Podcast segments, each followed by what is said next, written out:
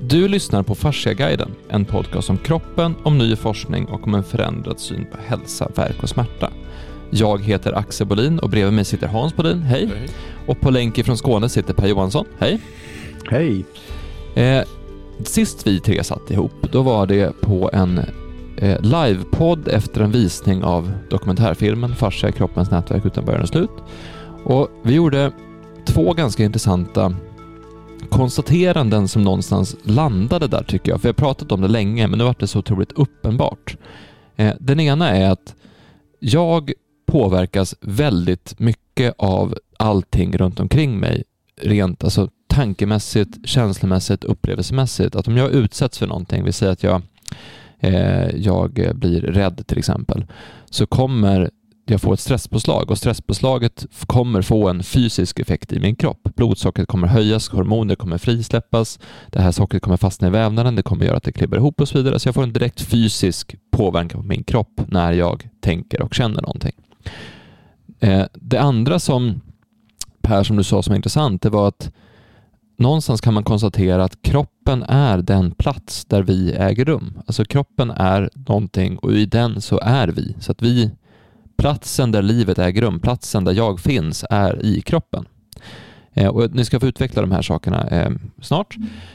För det som vi också pratade om var att vi är också väldigt unika i att jag kan reagera på en sak och Camilla kan reagera på en sak och du kan reagera på en sak Hans och här du reagerar på något helt annat och vi kan uppleva samma sak men vi får helt olika känslomässiga och därmed fysiska reaktioner på det. Till exempel när jag sitter på en livepodd så är jag kanske lite nervös i ungefär 10 sekunder.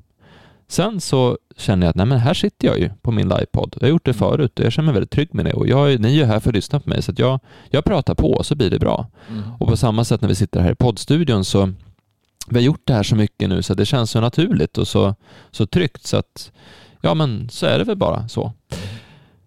Och det tänkte jag vi skulle prata om idag. Om erfarenhet och vad erfarenheter gör med oss, både i termer av hur jag tar mig an saker runt omkring mig. Till exempel att min erfarenhet av att sitta och spela in podd gör att det känns naturligt att spela in podd.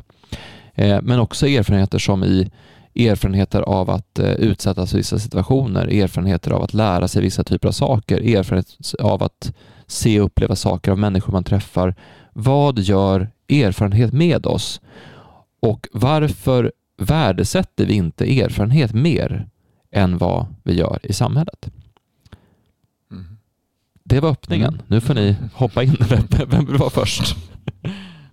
Jag kan hoppa in med en, en eh, inledande allmän kommentar bara utan att ha någon lång utläggning. Nämligen eh, som du sa nyss Axel, som vi var inne på förra gången vi pratade, så upplever vi ju saker hela tiden. Vi är med om saker hela tiden. Och så länge man lever kan man inte undgå att vara med om någonting. Det spelar ingenting om, ingen roll om man anser sig inte göra någonting särskilt eller om man gör en massa. Man upplever saker, man utsätts för saker. Och det, det, det går inte att undvika. Det är själva livet att vara utsatt kan man säga. Uh, både inifrån och utifrån. Inifrån sig själv och utifrån med massa saker. Så, så det, det är det kan man dock inte kalla erfarenhet egentligen, utan er, skulle jag vilja säga då. Utan erfarenhet är någonting som uppstår när man tänker på vad man är med om. Och inte tänker då genom att kategorisera utifrån någon inlärd mall eller sådär, eller någonting man har läst och, och, och liksom försöker stoppa in det i rätt fack. Ja, men den där känslan, den heter så och det var det och, och alltså, så fort man liksom blir intellektuell skulle man kunna säga så har man en tendens att tappa, upp, tappa bort själva förnimmelserna som finns i det man upplever. Lever.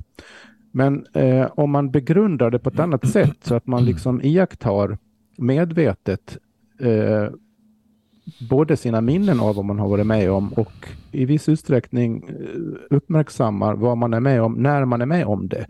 Då uppstår det liksom en, en, annan dimension i hur man upplever li livet, alltså en, en begrundande eller reflekterande dimension som kan vara ganska ordlös den också egentligen. Och det skulle jag vilja kalla erfarenhet, en form av erfarenhet eller en grund för det som kan bli erfarenheter. För det, jag skulle vilja säga att det är så det går till när man lär sig någonting. Mm. Man lär sig köra bil, man lär sig cykla, man lär sig spela ett instrument, man lär sig skriva, man lär sig prata i en podd och så vidare. Allt det där är, är ju saker som kräver att man gör någonting. Och i den mån man får erfarenhet och har lärt sig någonting i det man gör så har det så att säga befäst just i och med att man på olika sätt uppmärksammar vad man är med om när man till exempel håller på att lära sig cykla. Mm. Och det, det, är ju ingen tankeprocess egentligen. Den inkluderar en del tankeprocesser, men vänta nu, jag måste hålla styret rakt fram. Jag kan inte hålla styret på tvären. Så det, det kanske man uh, tänker, även, men man kan också låta bli att tänka det, men man uppmärksammar det. Så erfarenhet är alltid grundad i uppmärksamhet, det vill säga eh, medvetenhet om någonting man håller på med, någonting man håller på och lär sig. Och det, det sätter sig ju så småningom i kroppen. Så efter ett tag så behöver man inte tänka när man ska cykla. Alltså, rättare sagt, det är fel sätt att uttrycka det på skulle jag säga då utifrån det här resonemanget. Man behöver inte uppmärksamma eh, hur man gör när man cyklar längre. Så, så det är en skillnad på upplevelse och erfarenhet och det är också en skillnad på att uppmärksamma saker och ting och lära sig kroppsligen på sätt och vis i hög grad. Eh, det är skillnad på det och att tänka också. Mm. Så om man håller isär de så, två, olika sakerna så kan man prata mycket mer specifikt om vad man menar egentligen när man pratar om erfarenheter. För att man, mm. er, det, en erfarenhet är ju en kunskap. Så, så har man erfarenhet av någonting, då, då betyder det att man har en kroppsligt förankrad kunskap. Mm. Inte om det, utan i det skulle man mm. snarare kunna säga. Men ta ett annat exempel som, som kanske då passar in på samma tema. Att om du tar, för jag tänkte direkt att okej, okay, erfarenhet i det här fallet, det är någonting som eh, jag har upplevt eller varit med om som har lett till någon typ av antingen förändring, utveckling eller påverkan på min kropp. Alltså det har hänt, alltså, för det kan ju också vara så att jag...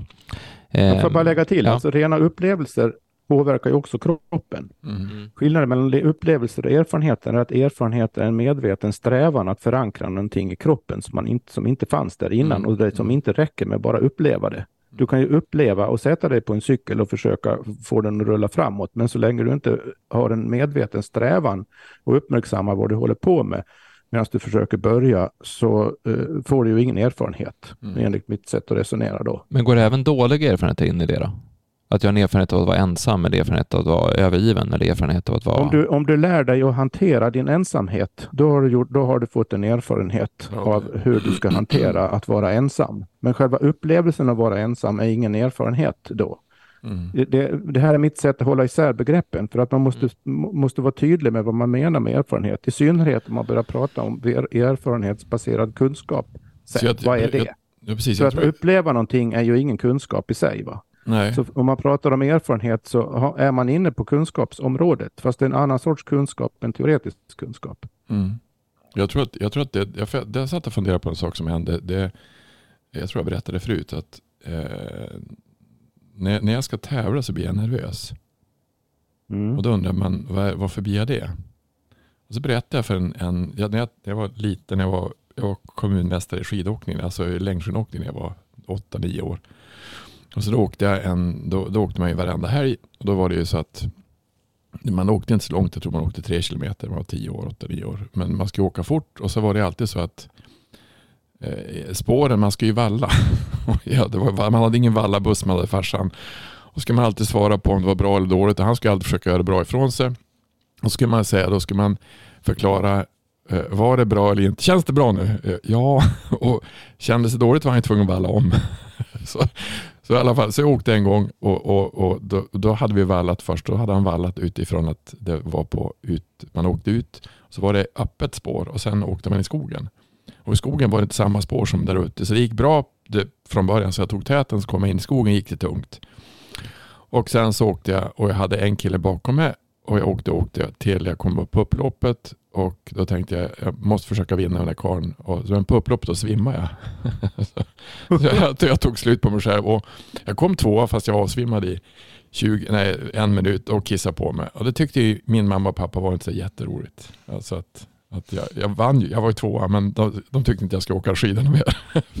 det var ingen bra egenskap att ta, att ta ut sig själv. och det där, alltså just det där minnet som är att man inte accepterar någonting. För jag, alltså jag tänkte på det, varför? Eh, jag tycker egentligen att det är roligt att tävla fast ändå inte. Och jag har aldrig reflekterat över att den där upplevelsen, den, den har ju påverkat mig. För jag fick ju sluta med någonting. Men kroppen vill alltid försöka att uppleva den en gång till. Vad, vad, vad var det som hände? Du tyckte det var roligt. Varför blir du rädd? Och Jag tror att det är först när man reflekterar över sådana saker som händer när man förstår det. För att upplevelsen har ju varit med om många gånger som helst. Men jag har aldrig tänkt på vad är det som gör att jag blir rädd? Varför blir jag rädd när jag ska tävla? Varför blir jag rädd när jag blir utsatt för andra, alltså tävling? Fast jag tycker att det är roligt och ibland går det men oftast går det inte så bra. Och då, det, det är det som jag menar, då har du tagit med, då har du tagit med det upplevelsen och funderat på den. Vad är det för någonting? Och det svåra egentligen det är att, att det, det svåra vi har med erfarenhetsbaserade upplevelser det är att det är ju samma person som är där hela tiden. Det är jag som är med om allt det där. Och hur ska jag kunna reflektera på det jag är med om? Och det tycker jag är intressant när man träffar personer man ska behandla. Att de, har, de kanske inte har reflekterat alls över det de var med om. Utan de är bara med om det. Mm. Eh, om man är med om samma sak hela tiden, man är med om det. Man det betyder ju att de saknar kunskap om sin egen tillstånd egentligen. Exakt, och det är det som är svåra egentligen. Det är att få kunskap om sitt eget tillstånd för att man ja. har svårt att reflektera över vad man egentligen är med om. Jag skulle väl säga att det är den centrala livsuppgiften vi har allihop att förstå vad vi är med om. Och det är, en, det är där det, det erfarenhet kommer, kommer in. Det är därför erfarenhetsbaserad kunskap är så viktig. In, inte bara för att kunna göra saker eller kunna fullfölja vissa uppgifter eller klara av vissa yrken och så vidare, utan i, i livet gen, generellt. Så det är liksom baseline på sätt och vis. Det, ja, det, det intressanta är då, är då att det finns en annan sorts kunskap som är teoretisk kunskap som mm. ofta har i vårt samhälle har en ökande tendens, har haft länge, i 30 år i alla fall, något sånt, och mm. en tendens att ta över värderingen av vad som räknas som kunskap. Så det, det kan, eh, får vi säkert anledning att återkomma till här. Mm. Men ska man säga så här att, att det, är en, det är en upplevelse som har någon form av effekt och sen när för alla upplevelser har ju inte en direkt, alltså lika påtaglig påverkan eller effekt som andra upplevelser. Det finns ju, det finns ju olika upplevelser av olika typer Absolut. av Absolut, det, är en fråga om intensitet, ja. olika intensitet. Så att en upplevelse som har en typ av effekt plus då reflektionen över vad det här faktiskt innebar, vad det här faktiskt var för någonting, vad jag faktiskt var med om, mm. det ger en erfarenhet. Och sen så... Jag förutsätter att reflektionen, eh, att man landar i no någonting. Och det behöver inte vara en reflektion i den meningen att man går och medvetet tänker på det. Mm. Utan mm. som, som det här, det är därför jag tog det här exemplet med att lära sig cykla. Mm. Eh, det är ju en erfarenhet man gör som resulterar i att man kan cykla. Mm. Och sen behöver man aldrig mer uppmärksamma hur man gör när man cyklar, utan det mm. går av sig självt. Likadant köra bil och alla möjliga andra färdigheter, spela piano eller vad det nu är för någonting. Mm. Det är ju en erfarenhetsbaserad kunskap, men den bygger egentligen inte så mycket på reflektion. Reflektion vi, vi, kan pausa det lite grann med reflektioner. Va? Utan jag vill betona just det där att det är en frågan om en kombination av uppmärksamhet och vilja. Mm. När man, gör en, eh, när man tillskansar sig en, eh, en kunskap som är grundad i erfarenhet. Mm. Och så sen så är repetitionen blir viktig i det här fallet. Ja, det bygger ju på repetition, ja. övning. Mm. För det är då det blir en kunskap på riktigt. För, för någonstans, vi kommer komma in på det också, men, men ofta kan det vara så att man är med om någonting och sen är man med om det flera gånger och sen till slut så just det, det här kan ju, alltså man, man ser ju det här var ju ganska likt det som liksom. hände förut ja. och så kickar det in att mm. okej, okay, det här var någonting jag kunde lära mig till. Ja, men bra, då har vi någon, som, någon Men om vi tar det bara jättekort, ditt ja. exempel här med rädsla, äh, rädsla i, i, samband med, eller, i samband med att tävla. Mm. Du har ju tävlat i andra sammanhang sen, Hans. Mm. Så, så eh, det, det, betyder att du måste ha lärt dig att hantera själva känslan av, av själva känslan. Och det skulle jag säga då, eh, utan att du behöver någon, ha någon lång utläggning om det. Du får säga om du håller med. Mm. Eh, du, vad du har lärt dig, det som är erfarenhet i sammanhanget är ju där att du eh, kan tävla fast du blir, ja, jag vet inte om rädd är rätt ord. Mm. Du kan tävla utan att simma. ja, ja. Jag tror att det, det, som är, det, som är, det som är intressant med det som jag... det handlar ju om att kunna hantera... Jag kom på det nu. Det som är intressant med det, det som är intressant är jag har svårt att hantera rädsla när jag tävlar. Och det som men du kan göra det? Jag kan göra det, men det som är intressant med jag gör det ju, men det som är intressant med det är att om du är med om någonting som, som det här jag var med om, det där var inget större trauma för mig, men det var ett trauma för mina föräldrar. För de tyckte det var otäckt. Och då har du en yttre påverkan som du inte riktigt förstår. För att jag är tio år gammal och svimmar, men det var väl ingen fara med det. Det har man gjort. Alltså, det var ju, alltså jag har ju tävlat många gånger. Men den negativa påverkan som det där fick, jag har inte jag förstått kanske hur det, hur det fungerar. På samma sätt som jag berättade en gång att, att eh, jag var rädd för höjder till jag förstod att att jag var rädd för höjder för att jag hade upplevt pappas rädsla utav att jag satt på en loge. Alltså, det, det, här man, det svåra egentligen det är att förstå hur man kan påverkas av andra saker som man inte riktigt med om. Ja, andras reaktioner andra, på andras reaktioner som man uppmärksammar, det kan påverka kvaliteten på erfarenheten. Exakt, och då är det mm. svårare att förstå den. Eh, men sen tror jag att det som är, det, det som är intressant med när jag börjar med, med, med, kroppsbehandling när man tittar det, det är ju, det tror jag vi tog, det är att, att kroppen är ju som ett, jag satt och funderade på, kroppen är ett hologram. Att det finns ju, vi både, vi allting lagras i kroppen, allting finns där. Allting, är, allting vi är med om, vi är med om. Fast vi ser kroppen som fast, fast den egentligen kanske är mera, eh, den är mera, det är mer saker som är i den som vi inte ser. Som man kan se, som man kan eh, känna när man tar. Framförallt är den ju inte fast egentligen. Ja, den är ju inte heller. Den, den, men, men, vi tror att Men på sätt och vis, om, apropå erfarenhet igen då, nu då. Eh, en, en, erfarenhet man har gjort, en erfarenhetsbaserad kunskap man har, den sitter ju i kroppen mm. också. Mm. I hög grad. Eh, och den, den är ju fast i den meningen att har man väl lärt sig någonting, har man väl gjort en erfarenhet i den här meningen jag menar nu då, mm. så sitter den ju där. Mm. Såvida man inte eh, blir sjuk eller tappar någon förmåga av rent fysiska orsaker. Man kan liksom inte avlära sig med att cykla när man väl har lärt sig. Ett, eller ett väldigt påtagligt exempel som jag tänker på ibland är om när man väl har lärt sig läsa så är det omöjligt att se en text på något språk man begriper och inte läsa den. Mm. Man kan inte säga till sig själv att inte läsa texten. det så, så det är väldigt fast det där när man väl har en erfarenhet. Mm. Och det är intressant. Nej, men en aspekt bara på, på det här med, det, det, den får vi återkomma till sen och se vad som händer med den, för den var helt ny. Det här med just att dina föräldrars rädsla kan få effekt på mig också. Jag tänkte på, på den här häromdagen, det är jul snart eh, och då hör man ofta mm. den här eh, Jag såg mamma kyssa tomten. Mm. Och jag har verkligen tänkt på vilken fruktansvärt traumatisk upplevelse det måste vara att se mamma kyssa tomten. Därför mm. att det är liksom antingen så är ju mamma är otrogen mm. eller så är det tomten finns inte. Och det är två stycken jättejobbiga, eh, alltså det blir, uppvaknandet för det barnet blir jättetufft liksom. Det blir som no, någon av de två livslögnerna faller ihop. Mycket konstiga saker med djur och barn kan jag säga. Ja. Hur som helst, eh, jo för det som vi ska komma in på nu för nu har vi pratat om med erfarenhet, men, men vad, vad, ska man ha den här erfarenhetsbaserade kunskapen till? Och då tänkte jag berätta lite grann om, om eh, det var det som vi pratade om igår Per, som ledde oss in på att vi skulle prata om just det här idag. Mm. Eh, för jag eh, håller på med hela med kampsport, med jujutsu. Mm. Och då finns det några saker som är intressanta. Dels saker man gör inom den kulturen som man kanske inte ens tänker på, eh, som har att göra med fascia och tryck. En mm. sån sak är att när du tränar, det första du får lära dig är fallteknik. Hur ska jag falla utan att det ska göra ont? Mm. Och En av de saker man gör är att man, man ska ta ena armen och slå den i marken. Mm. Och När man slår den i marken så släpper man ut det tryck som man har samlat på sig i fallet. Så det är ett sätt att ta rörelseenergin och slå ut den i mattan. Mm. Det är ganska intressant. Det andra är att när du, därför det är en självförsvarsteknik, när du lär dig självförsvar så händer någonting. Det händer någonting med dig som person. Det händer någonting med ditt sätt att se på saker. Det händer något med hur du tar dig an livet och hur det är i din kropp. För du gör en övning och du gör den alltså ta med tusan tusentals gånger. Alltså det är repetition på repetition på repetition på repetition på repetition. Det är samma övningar varje mm. vecka. Och övningarna som du gör till exempel är att någon slår mot dig. Vad gör du? Ja, då böjer du hit och du tar tag i armen så och sådär. Någon kommer med en kniv. Vad gör du? Du gör så här. Och det där sitter så småningom just repetitionen gör att det sitter verkligen i kroppen. Nu har jag inte gått på ett år för jag har haft eh, graviditeter och förlossningar och barn och hit och dit i vägen. Så att, men trots det så skulle jag fortfarande komma ihåg rörelsen mm. om du attackerade mig med kniv idag. Mm.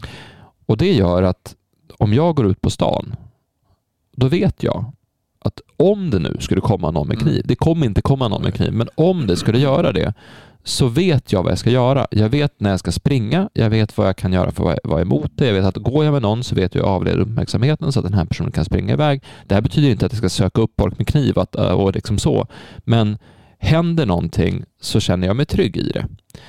Och den trygghetskänslan är ju ett motmedel mot stress. Det är ett motmedel mot rädsla. Och det är intressant att du kan bygga upp en erfarenhet i kroppen, en fysisk erfarenhet som gör att du är mycket tryggare som person. Mm. Och du har ju behandlat en hel del kampsportare.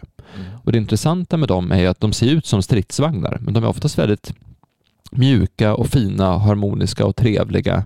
Och det man märker när man är på en sån här klubb, det är att de som har svart bälte och de som är sådär så, det är ingen av dem som känner att de behöver hävda sig. Det är ingen av dem som känner att de behöver bevisa någonting. Eller det finns en, det finns en obryddhet i termer av hur man tar sig an saker. Om du jämför då med, med Cristiano Ronaldo på en fotbollsplan som är så, sådär, han, ska ju, han vill ju ta plats och hävda sig och titta på mig och sådär. Medan om du tar en svartbältare i, eh, i jujutsu eller karate eller vad som helst, då har man inte behovet av att, av att eh, alltså, ta plats eller se på, man, man är mycket tryggare och lugnare. Mm. Och det är någonting intressant i det fysiska med kroppen, att du kan bygga upp en erfarenhet av trygghet i det. Mm.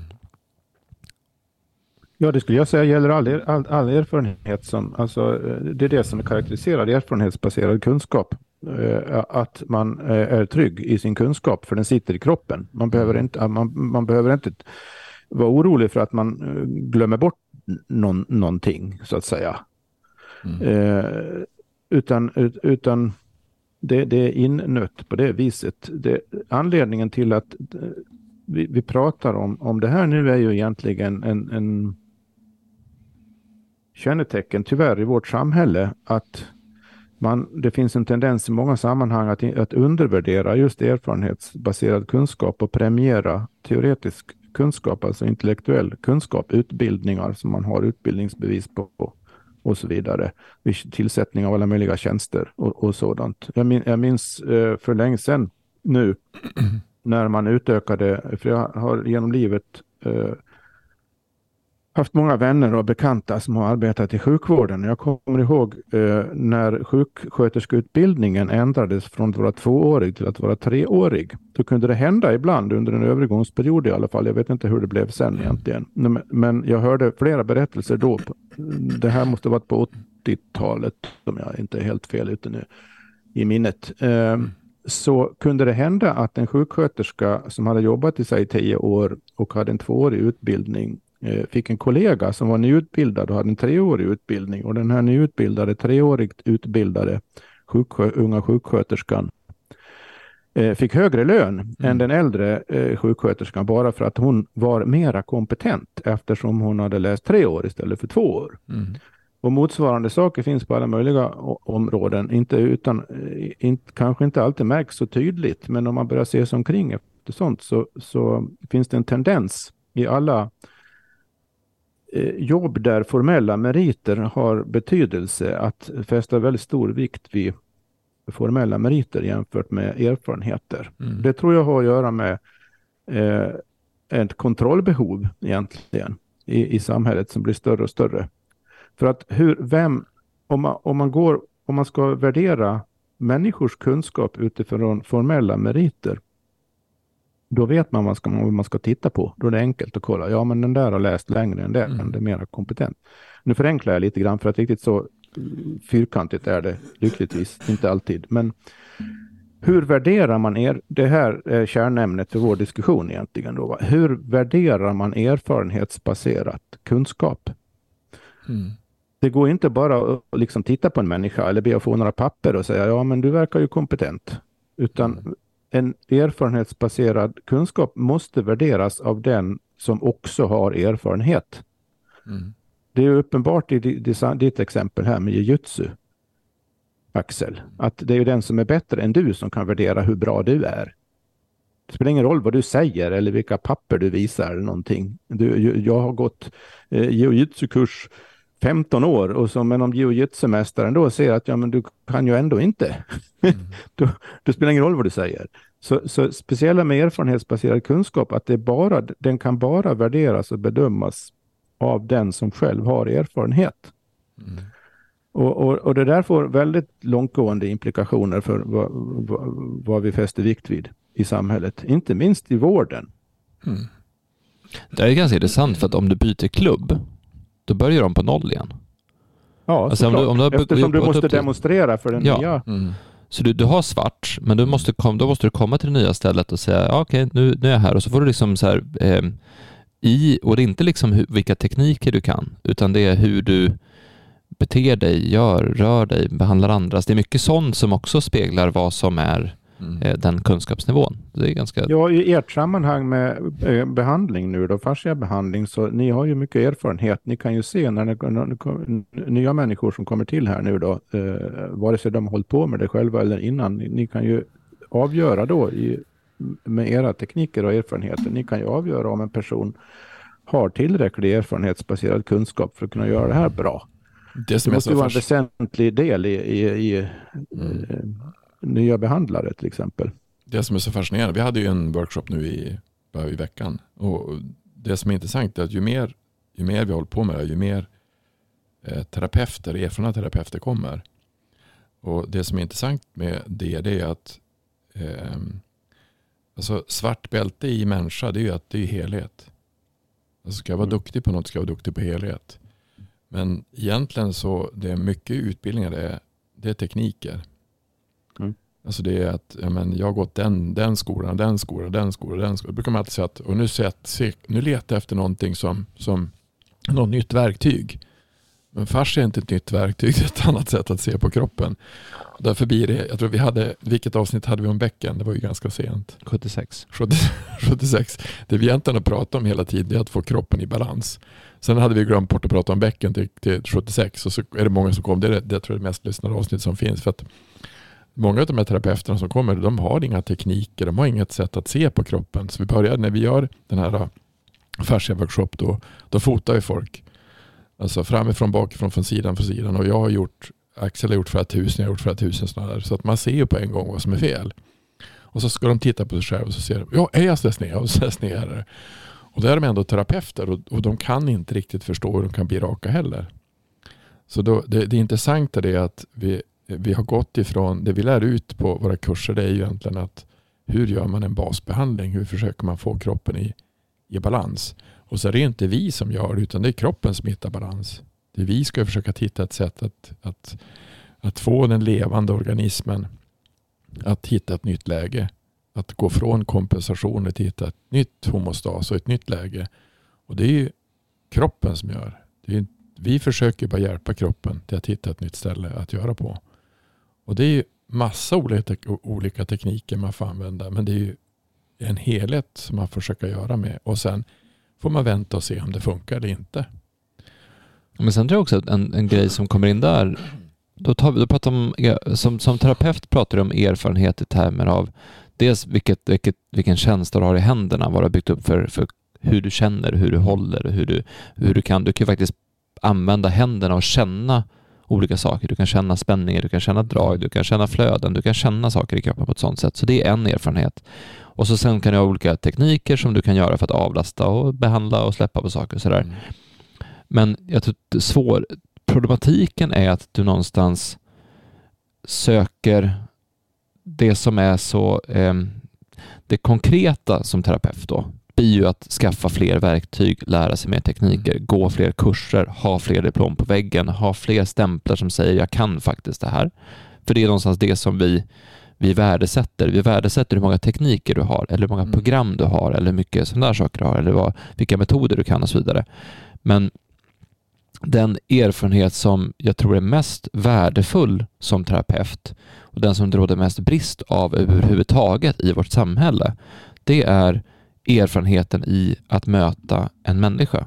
Mm. Att ju fler människor du har mött och sett och förstått, desto snabbare kan du hitta vad som egentligen är problemet. Och det, är inte, det behöver inte vara någonting fysiskt, det kan vara i hela människans eh, upplevelse, i hur människans utstrålning. Att du kan, du kan ju, när någon kommer in så kan du direkt när personen kommer in se vad hur de mår. Dels kan du se det liksom rent hållningsmässigt, men du kan också se vilken utstrålning någon har. Om någon är, är glad eller ledsen, om någon är pigg eller trött, om någon, är, eh, om någon ger ifrån sig, vilken, vilken energinivå folk ger ifrån sig. Är det någon som har mycket energi eller någon som nästan är helt slut? Alltså brinner, brinner lågan starkt eller har den svalnat? Och den erfarenheten att, att gå åt det hållet, att erfarenheten att titta bakåt i någons historia, att, att titta på eh, när du tävlade och svimmade, att, att börja att förstå den typen av samband, den är ju en annan brist på idag, just av den anledning vi pratade om, att det inte värdesätts på det sättet. Men det är där Det är där du verkligen kan göra skillnad i människors liv. För att den här, nu, nu, är det, du, nu, nu vart du ett tacksamt exempel för att du tog upp det själv, men, mm. men den berättelsen, att du svimmade när du åkte skidor, men du kom ändå tvåa, men du mm. kissade på dig när föräldrar var rädda. Mm. Den har ju haft en stor effekt på ditt liv. Mm. Därför du har ju kvar den nu. Den är fortfarande här. Det är fortfarande så att du tävlar och blir nervös. Mm. Och den knuten är ju intressant att se om man kan luckra upp, för den sitter ju kvar någonstans. Mm. Och sådana upplevelser har ju alla. Men vem tar hand om dem då? Alltså vem, vem går man till för att få bukt med dem? Går du till en psykoterapeut? Går, hjälper de dig med det? Förstår de sambandet som det har på din kropp när du, när du gör den biten? Har man, mm. Hur kopplar man ihop allting? För det har ju det har en fysisk effekt.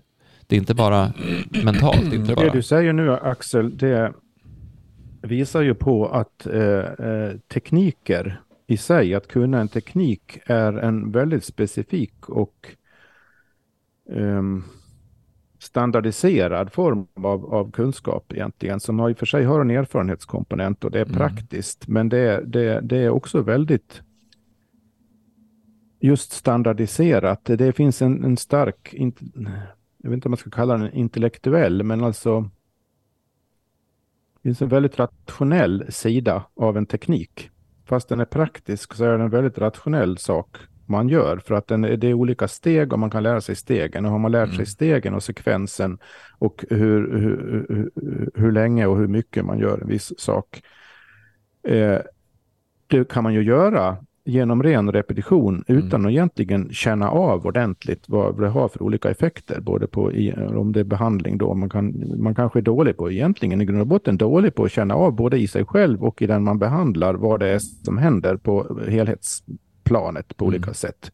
Eh, men man kan ändå kunna tekniken. Så, så tekniker har ju en, en väldigt, den här rationella sidan också som gör att det är man kan inte säga att en, en inlärd teknik automatiskt blir erfarenhetsbaserad kunskap, utan erfarenheten ligger just på det här planet du är inne på nu, mm. Axel.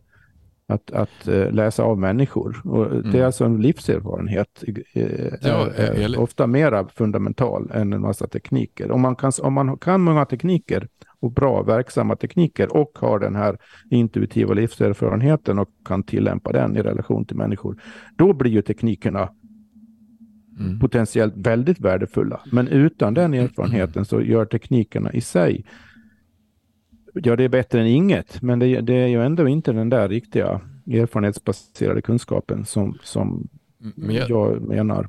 Men jag tror egentligen, alltså jag, jag, jag, har ju, jag har ju gått en massa olika utbildningar, men jag har aldrig varit någon, alltså det som jag tror enda som jag tyckte, den, den bästa utbildningen jag gått hittills, alltså när jag gick, när jag var alltså i ledarskap och förstå sig själv, det var eh, befälsutbildning i lumpen.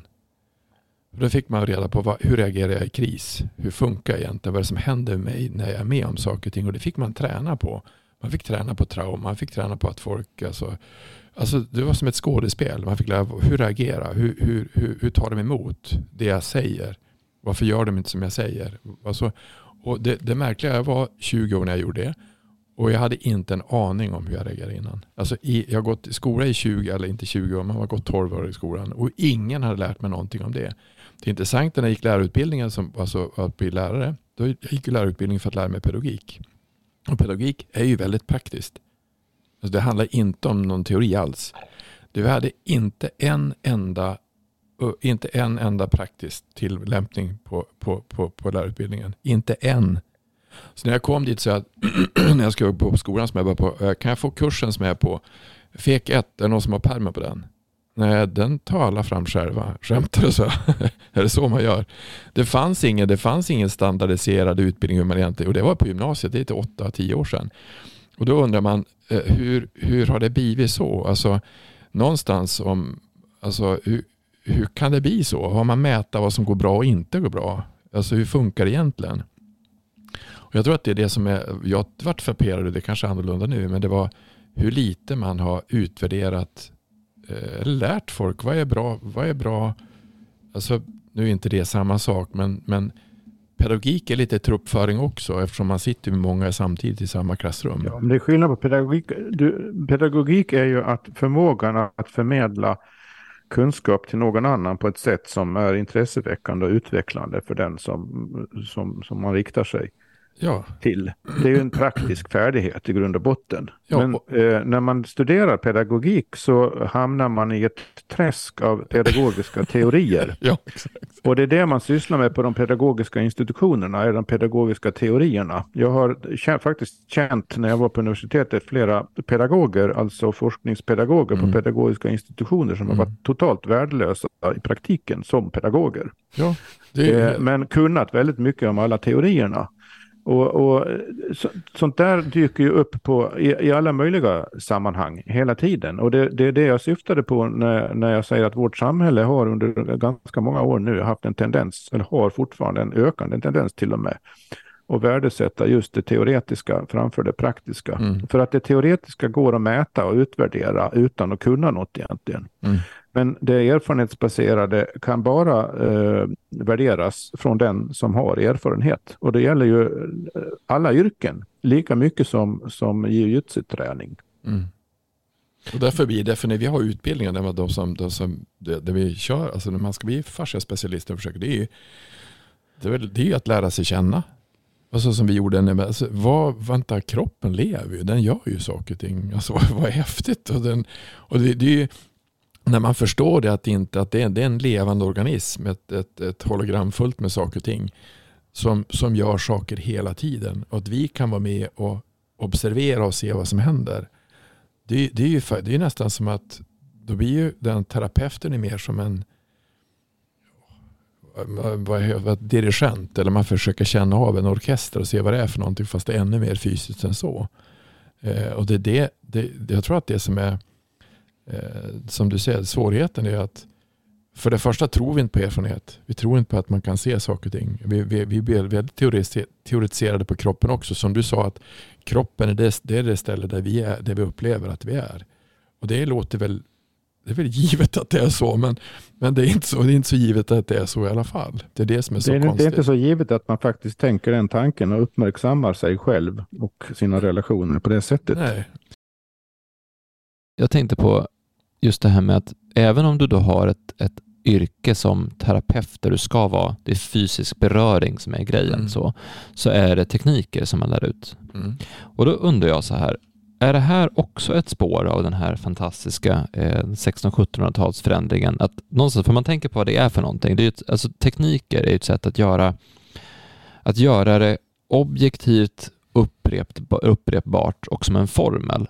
Och egentligen så, så det här uttryck, skulle kunna vara ett uttryck för en underton som säger att nej, du ska inte lyssna på dig själv, du ska lyssna på regeln, du ska lyssna på formen, du ska lyssna på auktoriteten, du ska lyssna på den som bestämmer. För att någonstans är det ju så att, och det här är ju det som är så svårt att lära ut, att vi pratar om det här i avsnitt 75 om lyssna på kroppen. Nej, men hur lär jag mig lyssna då? Ja, du lyssnar.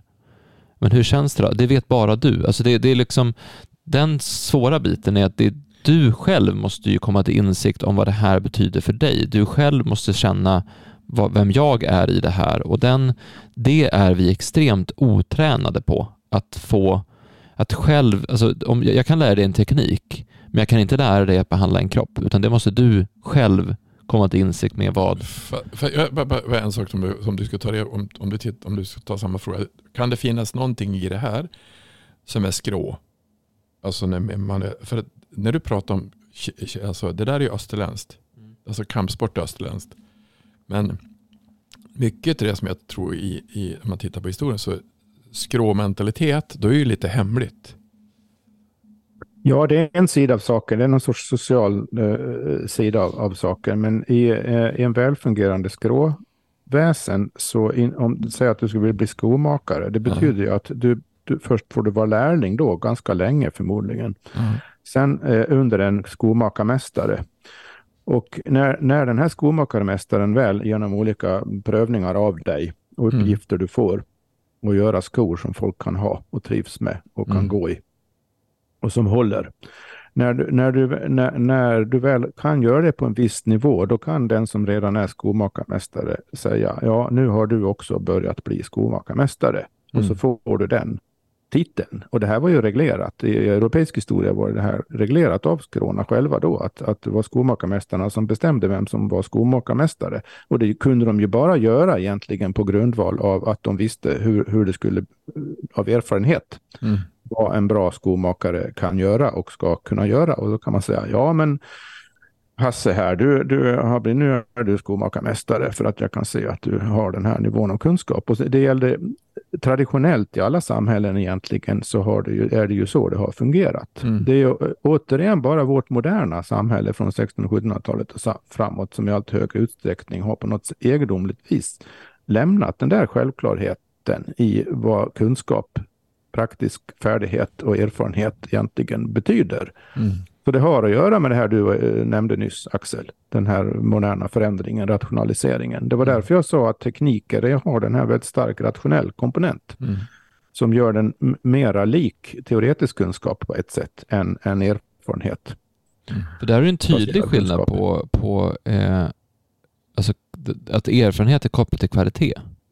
Ja, Därför de här skorna som skomakarmästaren gör Kvalitet och medvetenhet är, mm. är, det som erfarenhet handlar om. Medan, som medan, medan tekniker och teoretisk ja. kunskap, där, där, där är, är, kvalitet inte kriterierna. Mm. Och, Utan upprepbarheten i princip. Och det kan du också se hos människor. Alltså en människa som är eh, erfaren alltså som erfaren på det sättet att man har just lärt, man har gjort den här upplevelsen, reflektionen, uppmärksamheten, vilja, repetitionen och byggt en kunskap och en insikt kring vad det här faktiskt är. De människor som är erfarna på det sättet är ju också oftast eh, det, det, är en annan kvalitet i samtalen man har med dem. Mm. Det är en annan, de väljer sina ord mer väl. Mm. De, de, säger inte saker i onödan. De, eh, eh, de har en annan typ av självklar eh, utstrålning eller aura. Man, de behöver inte bevisa någonting. Det finns en annan, det finns en kvalitet även i upplevelsen som människa hos någon som har den typen av erfarenhet. Det intressanta med det här, då, för vi ska ju någonstans komma in på det, det spåret också, är att det här är ju någonting som alla kan bygga upp. Alltså inte så att ja, bara... Det här, det, vi det, pratar ju om någonting som är det djupt mm. gemensamt mänskligt här. Mm våra, våra verkliga eh, mellanhavanden med varandra, alla våra relationer på både privata och yrkesmässiga och i samhället generellt med olika människor. Allt, allt, allt det har ju grund och botten, om man tänker efter några minuter, bara med kvalitet att göra. Mm och ingenting. Utan kvalitet så är resten bara utan verk och sånt man kan vara utan egentligen. Men så, så, så kvalitet är helt centralt för det som blir mänskligt värdefullt och har någon, någon utvecklingspotential och värme i sig. Mm. Men någonting riktigt häftigt med det här, eh, för jag fick en sån här eh, eh, intuition tillbaka till avsnitt 66 om, eh, om eh, kan kroppen, kroppen kan lagra mer minnen än en superdator. Mm. Om man förstår hur fantastisk kroppen är så tror jag att det blir lättare att ta sig an det här. Därför att dels har vi det här med, med att det är levande, att det förändras, att det byggs om, att det är ett kontinuerligt flöde, att det liksom är liv och energi. Ju mer liv och energi du har i kroppen, ju mer liv och energi du har i livet, desto, desto mer levande blir du, desto mer levande blir du, desto mer energi får du, då kan du ta åt dig saker på ett annat sätt. Men, men det som det som Pollack har visat med det här eh, eh, vattnets fjärde fas, alltså easy water, är ju att alltså vattnet kan lagra väldigt, väldigt mycket minne. Alltså vattnet i kroppen kan lagra väldigt mycket minne. Så att om du har kissel då, som du har i datorn, den är ettor och nollor, men i kroppen så är det minus två, minus ett, noll, ett och två. Så det är en kapacitet att lagra väldigt, väldigt mycket. Mm. Det här betyder att, för vi har ju pratat om att ja, men medvetenheten sitter i kroppen, var skulle den annars sitta? Mm. Tankar och känslor sitter i kroppen, var skulle det annars sitta? Och om vattnet i vår kropp har den här förmågan att lagra saker, då borde vi kunna lagra i princip hur mycket som helst. Mm. Och det, det som jag har märkt lite grann med åren när vi har börjat jobba mer med, ju mer jag har läst om kroppen och ju mer vi har pratat om kroppen i de här poddarna bland annat och ju mer, då har det väckt insikter och när, när man får insikter så börjar man agera på ett annat sätt. Man börjar se på saker på ett annat sätt. För några år sedan så tyckte jag att det här med att, att vara hälsosam, ja men det ska man väl vara. Men nu, ju mer jag förstår kroppen så är det som att, men, att vara hälsosam inte, har man väl sett det så är det inte längre ett alternativ utan det är, så är det bara. Mm. Eh, och det blir intressant att det, jag är inte hälsosam för att vara duktig utan jag är hälsosam för att jag tycker om min kropp. Och den aspekten av det kommer in i det. Eh, men om man då förstår hur mycket, hur mycket kroppen faktiskt kan och gör och vet och minns och kommer ihåg. Så att jag kan ju faktiskt vara i ett sammanhang och så sen så ploppar en tidigare erfarenhet upp som att den bara flyter upp till ytan och där finns den. Så att mm. skulle, alltså är det en krissituation så dyker någonting upp. Är det en pressad situation där man måste ta hänsyn till en massa saker, ja men då minns man det där som man gjorde den gången där som kommer upp sådär. Och att vi har den förmågan är ju faktiskt helt otroligt. Att vi kan verkligen, vi, alltså allting jag någonsin har varit med om finns förmodligen lagrat i vattnet i min kropp. Mm. Så det här kan ploppa upp när när man väl minst av allt anar det. Och det är otroligt användbart när man skriver prov, upptäckte jag. Mm. Eh, för då kan man också bara, det kan bara, har man väl läst en gång så kan kunskapen bara ploppa dit. Eh, så det är jag tror, jag tror att det som är, alltså, det som vi pratar om egentligen, varför är erfarenhet inte någonting som man, och kvalitet någonting som man värderar. Eh, och det, alltså om vi, jag tror att det som egentligen, om vi skulle förstå det är också synen på kroppen som den är. Om vi skulle förstå hur fantastiska vi är. Alltså vilken otrolig dynamisk farkost vi är runt i. Som, som kan göra jättemycket saker och ska uppleva mycket saker och ting. Och det som jag tog upp där med, med, med lumpen-exemplet var att varför får inte jag lära mig hur jag fungerar? Varför, in, varför får inte jag lära mig att, att jag kan känna saker? Alltså när jag, första gången jag gick på, när jag började osteopatutbildningen, att man kunde Alltså det hade ju, hade är ju bara konstigt att jag gjorde det. Att jag började med det överhuvudtaget. Att jag hade en förmåga att förnimma saker och känna saker i andra kroppar som jag inte ens visste om. Det är ju rätt fascinerande. Och det har ju säkert många andra också. Så att man, att man, att man bara kan harka in, det var inte bara harka in på någonting, men att man har lärt sig att inte, att inte förstå hur man reagerar. Alltså det ska ju egentligen det man tränas i. Alltså hur fungerar du? Vad gör du? Vad är du bra på? Vad, vad är du inte bra på? Det du inte är bra på ska du inte göra. Det är någon annan som ska göra. Det finns, en, eh. finns en samhällelig politisk sida här. Om du är intresserad av att ha makt över andra så är du inte intresserad av att de förstår saker själva och erfar saker själva. Jag bara kastar ut den här nu då, så kan var och en få dra ut implikationerna av det när det gäller att förstå samhället. Ja, exakt. Så det är ju så, så att det, det, men, men det jag brukar säga till det som är intressant är att om man, om man ser dem, alltså, man har, en del kommer som har jättemycket problem. Jag hade någon som kom alldeles nyligen som hade analyserat sina problem. Jag tänkte att det är inte ens lönt att behandla honom för hon visste allting själv och hon var utbildade medicin och hela faderullan. Så det, jag tänkte, varför ska jag behandla henne överhuvudtaget? Det som hände efter, jag tänkte jag säger ingenting, vi bara se vad som händer. Och efter en halvtimme så så släppte nästan allting. Och vi hade inte gjort någonting. Men då, då kom flödet igång och då kanske hände saker i hennes kropp som, som hon inte hade förstått själv genom att vi fick, fick igång rörelse, fick igång liv. Och liv är ju rörelse. Och när, när slutar vi att förstå att vi är liv? Alltså när man, när man stannar av, när man säger att det är hopplöst, det finns ingenting, det är bara eländet och allting. Då är hela kroppen med om det. Det blir inget roligt ja. alls. Det mm. blir fruktansvärt. Jag har varit, varit riktigt illa berörd eh, häromdagen för då läste jag en, en, eh, en intervju med Robert Pärlskog. Det är ett eh, fotbollskommentatorn. Ja. heter handboll och alltihopa. Ja, ja. Han har skrivit en bok som heter Från Rågsved till Rio. Mm. Eh, och han sa så här att 1988, då var jag lycklig. Sen dess har jag inte varit lycklig.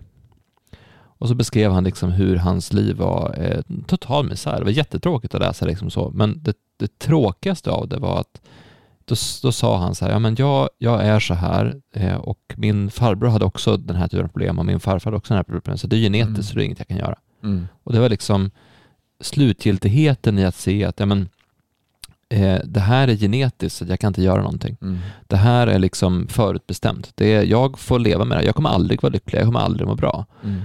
Och att det att vi lever i ett samhälle där vi tillåter ett sånt påstående att vara sant, att vara mm. det som folk tror på, det tycker jag är fruktansvärt. Mm. Därför att det är, det är en lögn. Det finns ingenting som är fast i det. Det går alltid att förändra saker, det går alltid att skaka liv i saker, det går alltid att få saker att förändras. Mm. Men det är, så, det är så hemskt att vi tror att det är så statiskt. Mm. Vi pratade om det något avsnitt, för något avsnitt sedan, det här med om, om när saker är rörliga jämfört med när saker är statiska. Och det finns ingenting i den här naturen som är statiskt. Allting är alltid under konstant förändring. Inklusive oss, inklusive våra kroppar, inklusive allting som är med. Jorden är totalt förändrad hela tiden. Ja, det, allting är nytt precis hela tiden så att allting kan alltid förändras och det finns alltid... Nej, det enda som är statiskt är tankar. Mm. I synnerhet nedskrivna tankar och, Mm. och eh, relativt statiskt skulle man kunna säga. För inte det är absolut statiskt det heller. Men det här med Pärlskog, det är ju så uppenbart att han har ju fastnat i en tankeloop. Mm. Och just tankeloopar är, är, har ju den där statiska tendensen och det sitter väldigt starkt i kroppen på Mm. honom säkerligen. Och det svåra är inte det att förändra sitt sätt att tänka. Jag hade en intervju Ja. med en läkare som hade uttalat sig om någonting i, i den här pandemin som var och sen hade han sen ändrat helt sitt ståndpunkt. Han sa det svåra det var egentligen att ändra ståndpunkt. Att ifrågasätta sina egna saker som han, han var expert. Och sen gått ut och, och, och sagt eh, alltså, motsats det han sa från början. Och det, det var jättesvårt att, att att börja läsa på. Vad, vad har hänt för någonting? Och hur kan det, hur, hur, att ändra hela sitt tankesätt. Och det var ganska, jag tror han pratade om det i 5-10 minuter. Att det, det var böck, skitbökigt. Och det är det som jag tror är det svåra egentligen när, när en del kunder kommer in och som man behandlar. Det är att de har fastnat i ett tankesätt som gör att de tar sig inte ur.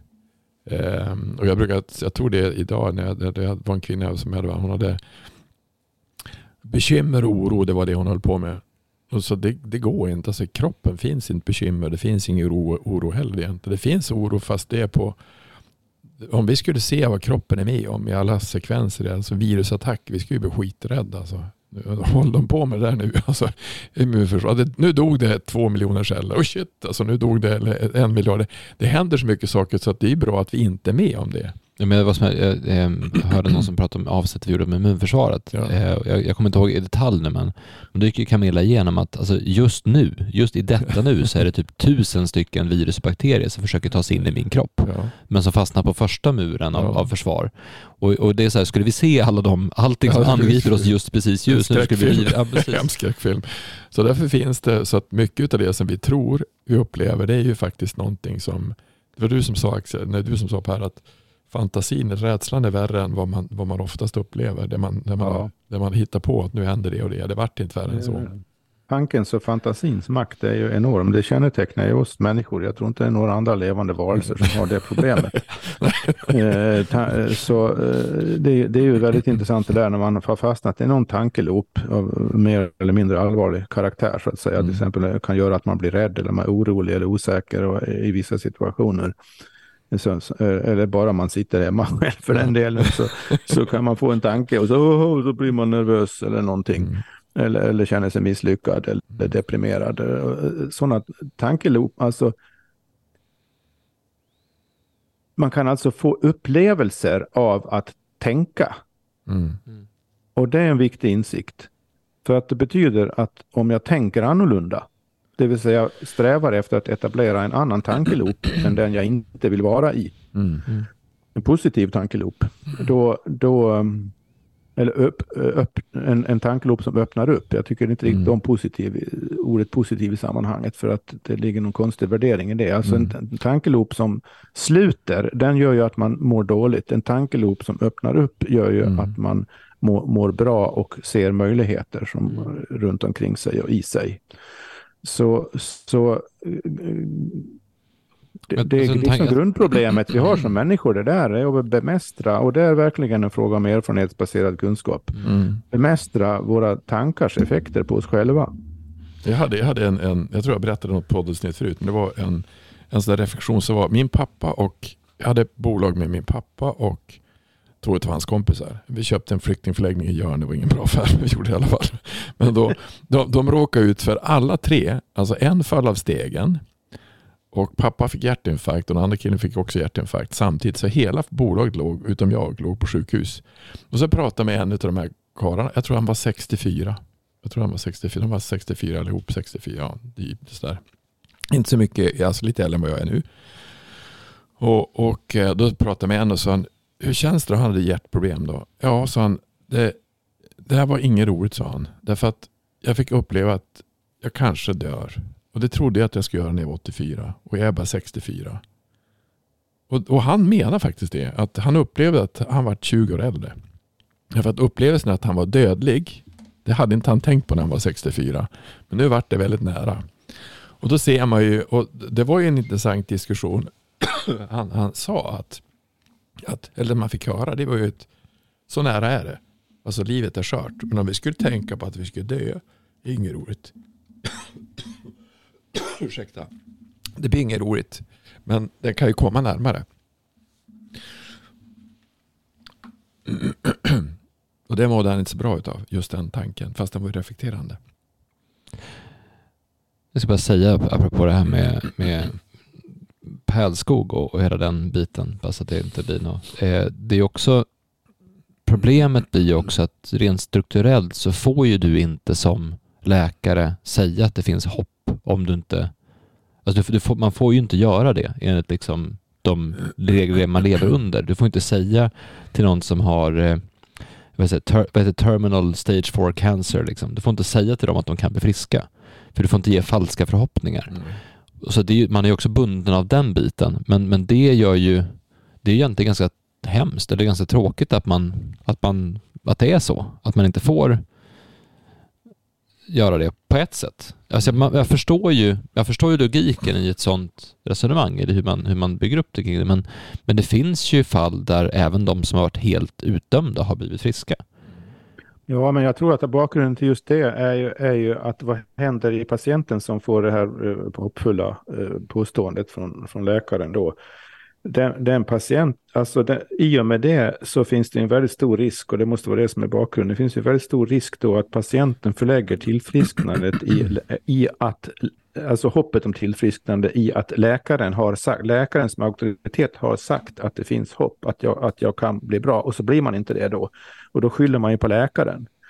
Mm. Eh, och, och det, det, det, det, det är hela den dynamiken som, som blir fel. Det är liksom för mm. stor risk. För vi har, vi har ju allihopa i olika situationer, i olika grad och olika intensitet, en, en otrolig vana kan man väl nästan kalla det och skylla så mycket som möjligt på andra.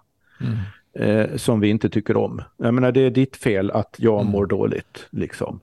Eh, och i det där ditt exempel här nu då så är det ju eh, alldeles för lätt hänt att patienten blir eh, arg på läkaren och mm. anklagar sjukvården och så vidare. Snarare än att förstå att det hänger på, på en själv i minst lika hög grad. Ens, ens attityd och livsinställning huruvida det finns hopp eller inte. Mm. Just det, det det är genernas fel. Det är läkarens fel. Det är samhällets fel. Det är eh, ditt fel, det är min pappas fel. Det är, det, det är väldigt lätt att vi hamnar oftast i de, i de spåren. Men det sagt betyder inte det, att, som vi pratade om tidigare gång, att, att allting alltid är ditt fel. Mm. Eh, men det är ju tendensen att... Nej, det är ju inte, alltså det är, hela, det är hela resonemanget om att det är någons fel, inklusive ens eget, är ju missriktat. Mm. Utan det, gäller, det gäller bara att bli medveten om vad, vilka energier och effekter som är i omlopp och vad som har mm. hänt och hur man själv och andra har påverkats. Man måste ju liksom se, se det. Mm. Och, och, och, och, i den mån det har uppstått negativa loop så behöver man bry, bryta dem på något mm. sätt då. Alltså det, det, det, är därför jag säger att medvetenhet är så viktigt. Och att uppmärksamma saker och ting, att förnimma vad som egentligen händer. Det är det som är grejen. Och man, mm. Så fort man börjar skylla på någonting, inklusive sig själv, så tänker man ju bara. Va? Det är en tanke. Ja, och där, där, blir det ju någonstans igen det här med att förstå, eh, vi var inne på det lite grann i förra avsnittet med, med Camilla, att, att alltså, kroppen är ju ganska, alltså kroppen är ju en del av naturen. Mm. Det är alltså bokstavligen en del av naturen, en del av jorden. Den har funnits här väldigt länge, den har mm. anpassat sig till det här väldigt länge. Och den i sig är egentligen ganska odramatisk. Därför att det dör celler hela tiden, det föds celler hela tiden, det förändras saker hela tiden. Kroppen dömer ju inte. Om du bestämmer dig för att du ska eh, sitta framåtböjd hela tiden och aldrig röra på dig så säger kroppen okej, okay, då kör vi på det. Så ställer man upp på det tills det inte går längre. Och på samma sätt i, i naturen så är ju död och liv också ganska odramatiskt på ett sätt. Mm. Och, men om man däremot förstår just relationer, konsekvenser, ekologin i det här, att att allt det ser ut som det gör är en konsekvens av allting som har hänt fram till den här stunden. Då har man ju en utgångspunkt som man kan använda för att bygga en ny erfarenhet som leder åt ett annat håll. Mm. För man det... behöver ha en saklig attityd, till, en saklig och kärleksfull skulle jag vilja tillägga, attityd till allting. Det, mm. Jag är helt säker på att det är därför Jesus sa att du ska älska din nästa så, Så som, som dig dig själv. Att älska sig själv, är, det betyder man förlåter sin nästas fel, Mm. man förlåter också sina egna fel. Det Mm. vill säga man ser inga fel, utan man, man uppmärksammar vad, vad som har ägt rum och försöker lära sig av det. Så man Mm. behöver ha, det, är, det är någon sorts grundattityd som är en väldigt fundamental erfarenhetskunskap som är väldigt eftersträvansvärd. Det är den här förmågan att bara se vad som, vad som händer och förnimma vad som händer utan att omedelbart börja kategorisera och sätta etiketter och tänka och det är ditt fel och mitt fel. Alltså. Så, så Mm. fort man eh, flyr över dit så tappar man bort just eh, kroppen också Mm. i högsta grad. För att kroppen är ju förnimmelser först och främst. I den mån man upplever sin kropp så är det en fråga om förnimmelser. Mm. Man har eller, eller, eller och uppmärksammar eller, eller inte. Så lite så här, det som, det som är, det är. Så vad ska vi hitta på nu? Ja, det är ju därför, det är ju hela, hela i, den, alltså, Mm. det är därför man mediterar. Det, syftet med meditation är ju just det, att upp, det finns olika meditationstekniker och olika anledningar att meditera och det finns olika innebörder i det hela. Men en väldigt central del av meditation är ju att man lär sig Mm. att uppmärksamma vad som pågår i en Mm. när det pågår Mm. och inte bry sig om det och inte, inte börja tänka på det utan bara uppmärksamma det. Och det är helt grundläggande. Så det, det, det, ut, utan den förmågan i någon grad så kan man inte göra några erfarenheter som befästs heller egentligen. det, Så det betyder att man behöver inte sitta ner i någon sorts konstig ställning för att Nej. meditera, utan meditera kan man göra hela tiden, vad man än gör Mm. egentligen. I alla fall om man har lärt sig det på riktigt. Mm.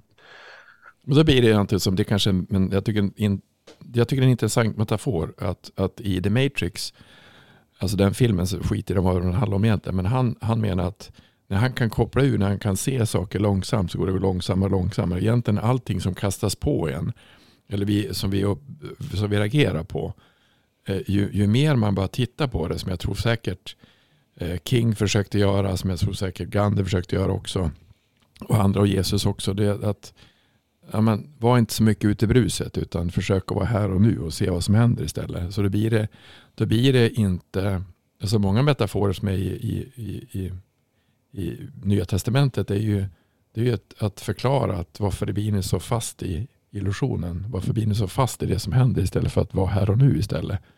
Eh, det, det svåra är egentligen att älska nästa så som det själv. Det, det låter ju jättekonstigt. För att man är inte fostrad så egentligen. För att, alltså, Nej, Älskar- och älskar vad, nästan man så glömmer, vad man lätt glömmer bort är att man, eh, det, det kan vi ju se allihopa om vi uppmärksammar saken, att eh, betoningen hamnar lätt på älska din nästa. exakt. Men förutsättningen för att kunna älska sin nästa är faktiskt att man älskar sig själv. Mm. Det betyder inte att man är egenkär på något sorts egoistiskt vis, utan det Mm. betyder att man egentligen eh, eh, förlåter sig själv Mm. och inte anklagar sig själv för saker Mm. och ting. Exakt. Utan, utan ser till att ändra det som har blivit fel. Mm. Ja, och att man gör saker som gör att man mår bra.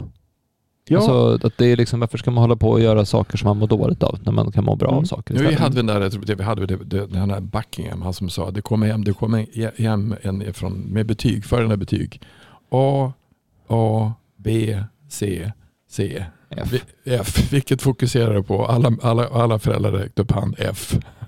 De ska ju fokusera på A, inte de andra sakerna. Och det är det, jag tror att det är det som är så intressant, att vi har lätt för att döma oss själva. Och omgivningen också hjälper till med det istället för att titta på hur kan man acceptera sig själv eller förstå vilka man är och förlåta sig själv. Då blir det ju mycket lättare att, att älska andra också. Och egentligen är vi med. Men ingår det ju då att inte göra om samma misstag. Det är det som är liksom utvecklingen i Exakt, sammanhanget. exakt. Men vad bra, för det, det måste faktiskt, vi, kan inte, vi kan inte göra ett avsnitt om erfarenhetsbaserad kunskap utan att prata om misslyckanden. För det är Mm. någonstans, eh, jag, glöm, jag, jag glömde bort den tråden mitt i allt annat, men, men det här Ja, faller på så många, det här faller på så många andra aspekter också, att, Mm. att det är så otroligt viktigt att göra misstag. Mm. Och det är någonting som vi har fått lära oss väldigt mycket från eh, att alltså driva företag, från entreprenörskapet. För att som entreprenör så är nyckeln är att misslyckas. Du måste misslyckas jättemånga gånger. Mm. För att när du har misslyckats tusen gånger, ja men då hittar du till slut, för varje gång du misslyckas med någonting så förfinar du saker. Mm. Du ser vad man inte ska göra, du ser vad som Fast inte det gör, funkar. det gör ont. Ja, det Det gör ont. allt lärande överhuvudtaget. Men- Men, all erfarenhetsbaserad är kunskap. Men, men tricket är att, att våga och sen misslyckas. Mm. Våga testa, misslyckas, våga testa, misslyckas och repetera det här så pass många gånger. För det som händer sen är att när man har gjort det, Mm. när man har testat jättemycket saker, Mm. misslyckats med jättemycket saker, haft de här smärtfulla erfarenheterna av saker som inte har funkat, då när den saken dyker upp igen, Mm. då ser man det. Mm. När, eh, när det här som man inte, den här fallgropen man faller, faller igenom för att man litade på den där, den där personen som kom med det erbjudandet, då ser man just det där ska man inte göra. Och så, Mm. så då har man gjort det, för att ha gjort det en gång tidigare. Och det där, jag minns när, det var faktiskt en anledning till att jag utbildade mig till ekonom. Det var, en var att jag tyckte det var så kul att plugga och så kul i, i studiemiljön, men en annan var ju att det var skitsvårt att förklara den erfarenhet jag hade byggt upp på tre år genom att hålla på med digital marknadsföring och live-marknadsföring och Mm. gå massa kurser i USA som ingen känner till och, Mm. och testa saker och jobba med saker. Så att hur tusan ska jag kunna skriva ett CV och förklara allt det här på ett sätt så att folk förstår vilken erfarenhet det här faktiskt är? Mm. För att alla misstag vi har gjort Mm. har vi lärt oss så fruktansvärt mycket av. Mm. Och det är det är som vi brukar säga när vi, när vi gör prov på våra kurser, säger vi så här, det, du vet, eh, ni får göra om provet tills ni klarar det. Mm. Ni får svara, svara fel och svara fel och svara fel och svara fel tills ni klarar det. Och det blir också en sån här konstig sak, för det är ju då man lär sig. Alltså du, Mm. du lär dig ju mycket, mycket mer av någonting som du faktiskt misslyckas på först. Mm. För att du, Jo, du, du lär, Ja. Man lär sig urskiljning vad som går i rätt riktning och vad som går i fel Mm. riktning. Det är den urskiljningsförmågan som, som man, man får då ju mer och mer. Är, man zoomar in mer och mer så att säga och man undviker mer och mer av det som man har lärt sig leder fel. och, och då blir tiden blir eh, irrelevant här på ett sätt. Alltså det är klart att det måste, det måste gå en viss tid, men vi har märkt det när vi har, vi har kortat ner kursen från 6 till 9 månader till 15 veckor. Men intensiteten och andel test och andel saker, som, det, det är det som gör att det blir eh, att- att det händer någonting. Och det är samma sak som, alltså du kan ju, du kan ju kapa flera år av en relation till exempel och att man umgås väldigt, väldigt mycket på kort tid. Eh, För jag minns när jag och min fru träffades så vi pratade minst en timme i telefon varje dag i två månader. Och då gick vi, vi igenom det som vissa går igenom på fyra år Mm. I hur vi lärde känna varandra, vad vi pratade om, vad vi gick in på, så den biten. Så du kan ju, du kan ju lära känna någon snabbare också av en intensiv relation. Mm. Eh, och det där är, det, det blir en annan erfarenhet, behöver inte ha med tid att göra heller. Nej. Så du kan lära dig väldigt mycket på väldigt kort tid.